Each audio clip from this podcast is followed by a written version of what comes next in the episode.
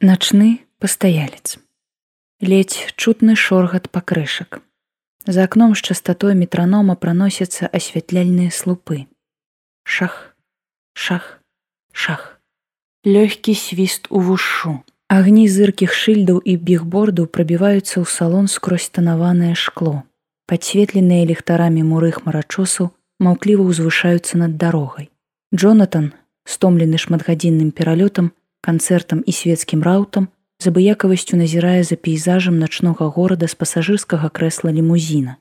Ідзе трэцяя гадзіна па поўначы. Джонатан Уіслі вяртаецца з вечара зладжанага ў ягоны гонар міністэрствам замежных спраў. У вялікай зале аднаго з найлепшых рэстаранаў горада сабралася ўся баема сталіцы, каб пабачыць знакамітага дырыжора і кампазітара. Джонатан выступіў з невялікай прамовай, якую для яго падрыхтаваў адмыслова наняты спічрайтер, бліскучыя дамы, шляхотныя джентльмены усе з цікавасцю слухали маэстра. Але што б не казаў Джонатан, дзякаваў за запрашэнне хваліў густы мясцовай публікі, уражваўся клопатам урада аб культурным развіцці нацыі, усё гэта не мела для яго значэння. Усё, што робіць Джонатан на сцэне ён робіць перадусім для сябе. У прыватных размовах за келіхам віна ён мог гадзінамі выслухваць хвалы ў свой бок ад суразмоўцаў багатых знакамітых уладарных асобаў і прымаў гэта як належнае. Шкада, што не заўжды стае часу, каб выслухаць усіх. Лімузін спыняецца ля шматпавярховага гатэля. Кіроўца адчыняе перад Джонатанам дзверы аўто. Кампазітар падарожнічае без багажа, таму адразу скіроўваецца да ўваходу. Швейцар кланяецца госцю і запрашальным жэсам паказвае на хол гатэля. У прасторным светлым памяшканні пустынна. На канапе ля ўваходу сумуе насільшчык. На рэцэпцыі рэгіструецца новы пастаялец. Прыцішаныя галасы госця і адміністратара глуха разносяцца па зале.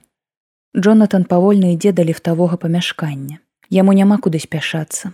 Націскае на кнопку і чакае. Неўзабаве ў адной з шахтаў адчыняюцца дзверы. Джонатан уваходзіць. Шкло, люстэркі і храмаваная сталь, што звонку, то і ўнутры. У паветры адчуваецца лёгкі пах арматызатара. Занадта рэзкі, як на думку кампазітара. Джонатан набірае на лічбавай панелі нумар паверха. Праз секунду дзверы пачынаюць павольна сыходзіцца. У момант, калі ліфт амаль зачыняецца, у шчыліні паміж створкамі з'яўляецца далонь у чорнай пальчатцы. Дзверы зноў разыходзяцца.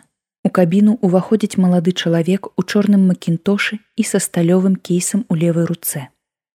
Джонатан вырашае, што перад ім новы пастаялец, які быў нядаўна на рэцэпцыі. Прашу прабачэння, кажа мужчына і ўсміхаецца. Гэтых ліфтаў часам вельмі доўга чакаць. Джонатан маўчыць, паварочваецца да панелі і запытальна глядзіць на чалавека ў макінтошы. 42, разумее мужчына. Джонатан ківае. Гэта і ягоны паверх. Дзверы ліфта зачыняюцца. Кабіна пачынае разгон лічбы на панелі змяняюць адна адну павольна набіраючы хуткасць грае спакойная на мяжы чутнасці музыка. Джонатан прыхінаецца да поручня заплюшчвае вочы і мімаволі пачынае раскладаць мелодыю на ноты. Музыкант са здзіўленнем разумее што ў кабіне грае адна з ягоных кампазіцый цікавая мелодыя кажа сусед і кідае позірк на кампазітара у вачах суразмоўцы сталёвы холад і нянавісць Джонатан напалохае гэты позірк але ён не паспявае яго зразумець. Раптам гасне святло. Кабіна ліфта са скрыгатам прыпыняецца. Джонатан ледзь утрымліваецца на нагах. Ён інстынктыўна чапляецца абедзвюмі рукамі за поручань. Праз імгненне запальваецца лямпа аварыйнага асвятлення. Кабіна напаўняецца чырвоным паўзмрокам. З'яўляецца пякучы пах гарэлага. Джонатан усё яшчэ моцна ухапіўшыся за поручань, заўважае, што малады чалавек не згубіў раўнавагі і ўсё гэтак жа роўна стаіць на падлозе, трымаючы ў руцэ кейс. Мужчына падыходзіць да табло і націскае некалькі кнопак. Не працуе. Рэзюмую пасажыр пасля некалькіх спробаў дазвацца дапамогі. Гэтая электроніка ёй столькі ўсяго даверылі, а яна ўсё адно ламаецца. Думкі Джонатана збіваюцца яго яшчэ скоўвае страх. Мяне завуць Гілберт, працягвае руку малады чалавек. Раз мы ўжо ўсё роўна тут захраслі, то давайте знаёміцца. Джонатан, Джонатан Уіслі, На аўтамаце паціскае руку музыкант. О, вы той вялікі кампазітар, вельмі прыемна. Малады чалавек усміхаецца. Ва ўсмешцы няма ані грама весялосці. Вялікі. Хмыкае сабе пад нос Джонатан. Тон маладога чалавека пачынае яго раздражняць. Елберт ставіць кейс на падлогу і прыхінаецца спінай да сценкі ліфта. Ягоныя вочы ўздымаюцца ўгору. Некалькі імгненняў ён разглядае адзіную ў кабіне лямпу, а затым нечакана пытаецца: Вы мяне не памятаеце спадар Джонатан. Кампазітар з неразуменнем глядзіць на маладога чалавека. Высокі, статны, цёмныя валасы, акуратная фрызура з зачосам і незапамінальны твар. Чаму я павінен вас памятаць? Раздражнёна кідае Джонатан. Рука цягнецца да каўняра, каб расшпіліць гузік, бо ў кабіне становіцца душна. Я так і думаў, працягвае малады чалавек. Мінула цэлых 15 гадоў. 15 гадоў. Джонатан дрэнна памятае, што з ім адбывалася пару гадоў таму, не кажучы пра 15. Бясконцыя канцэрты, пералёты, прыёмы, творчасць у рэшце рэшт.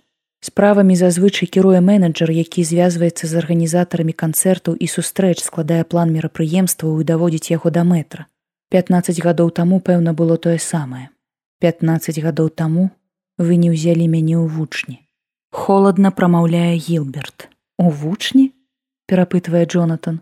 Тады я быў пераможцам музычнай прэміі для юных музыкаў імя Маркеса, той самай, якую вы атрымалі першай у вашай бліскучай музычнай кар'еры. Джонатан зноў адчувае насмешку ў голасе маладога чалавека. Тады вы ўручалі мне ўзнагароду, працягвае Гілберт. Пасля, я набраўся смеласці попрасіцца да вас у вучні у вучні задуменна паўтарае Джонатан вучні ніколі не ўваходзілі ў ягоныя планы дзяліцца ўласным досведам усім тым да чаго дайшоў сам праз бясконцыя перажыванні і пакуты ўвесь гэты скарб задарма перадаць маладняку не даруйце каб вучань прайшоў шматгадовы цярністы шлях за некалькі заняткаў і ў выніку зацьміў талент настаўніка На гэта Джонатан Уіслі пагадзіцца не мог. Я не бяру вучняў. З выклікам прамаўляе Джонатан. Кампазітар здымае пінжак і вешае ў ліфце на поручань. У кабіне рабілася горача. Музыкант заўважае, што малады чалавек з цікавасцю назірае, як ад злосці і страху дрыжаць далоні Джонатана. Сам Гілберт застаецца стаяць у макінтошы і нават не здымае пальчатак. Вы тады так казалі, працягвае малады чалавек. Але я быў малы і не мог паверыць, што такі таленавіты і адораны чалавек, як вы, не захоча мець вучня. Я прыходзіў да вас шмат разоў. Вы не пускалі мяне нават у салон. Я пісаў лісты з прапановамі і не дачакаўся адказу. Прапаноўваў грошы, хоць у той час з гэтым у мяне было цяжкавата. Хлопец замаўкае. Лісты задуменна прамаўляе Джонатан. Здаецца, я пачынаю прыгадваць, Вы той недапечаны хлопчык, які ўявіў сябе вялікім талентам, атрымаўшы адну дзіцячую прэмію. Здаецца, менеджер мне казаў, што выкінуў з два дзясяткі лістоў, што прыйшлі ад вашага імя. Гілберт, так? Так, малады чалавек ківае галавой. Ягоная рука цягнецца ўніз, дзе на падлозе стаіць кейс. Пасля таго выпадка я закінуў музыку. Джонатан хмыкае, адным канкурэнтам менш праскоквае ў галаве з'едлівая думка. Я падумаў тады, што калі слава робіць з таленавітых людзей такіх ганарлівых снобаў, то навошта яно мне. Гілберт нахіляе кейс і расшпільвае адну зашчапку. Я знайшоў для сябе іншую прафесію, ціхую і непрыкметную, але не менш творчую, чым музыка. Мужчына расшпільвае другую зашчапку і ўздымае вечка кейса. Джонатан з цікавасцю назірае за рухамі маладога чалавека. Сталёвы бліскучы кейс здаваўся лёгкім як пушынка. Кампазітар часта бачыў такія ў руках банкіраў і бізнесоўцаў. У іх яны пэўна захоўваюць вельмі важныя дакументы. Малады Гілберт дастае з кейса пісталлет. Я забіваю людзей. У Джонатана перацінае дых. Ён уздымае абедзве рукі ў інстынктыўным жэсце, каб абараніцца ад пісталета і валіцца на падлогу ліфта.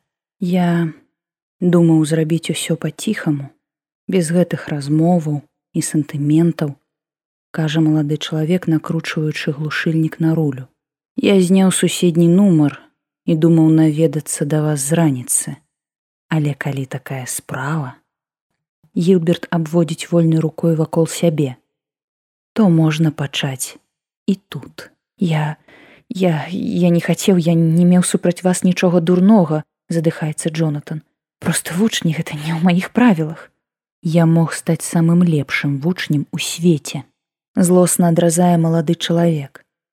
Разам мы б дасягнулі вяршыняў, якія для вас аднаго былі б недасяжныя, але праз свой эгоізм вы гэтага не захацелі зразумець.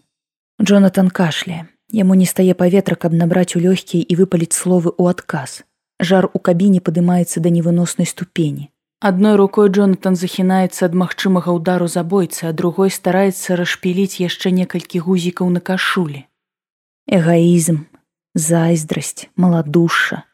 Вось што мяняе свет, мяняе людзей, прамаўляе малады чалавек. Я не стаў тым, кім мог стаць. Пісталет апушчаны долу. Я стаў іншым. Не скажу, што гэты шлях мне не даспадобы, але Гілберт падымае пісталет і накіроўвае на галаву Джонатана. Я заўжды марыў пра гэта. Глухі ўсплёск і ўсё скончылася. Пажарная брыгада прыбыла ў гатэль без затрымак у троххвілінны тэрмін. Кароткае замыканне ў праводцы выклікала ўзгаранне сілавога кабеля ліфта і заадно спаліла апаратуру супраць пажарнай сігналізацыі.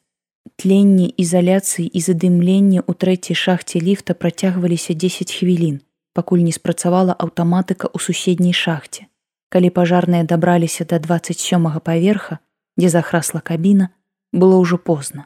Адчыніўшы дзверы з дапамогай пнеўматычнага прэса, выратавальнікі пабачылі труп сівога мужчыны, з вылупленымі пачырванелымі вачыма.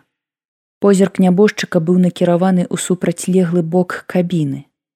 Кашуля мужчыны была раздзёртая, на шыі засталіся драпіны ад пазногцяў. Выглядала на тое, што мужчына хацеў раздзерці сабе грудзі, каб упусціць паветра проста ў лёгкія.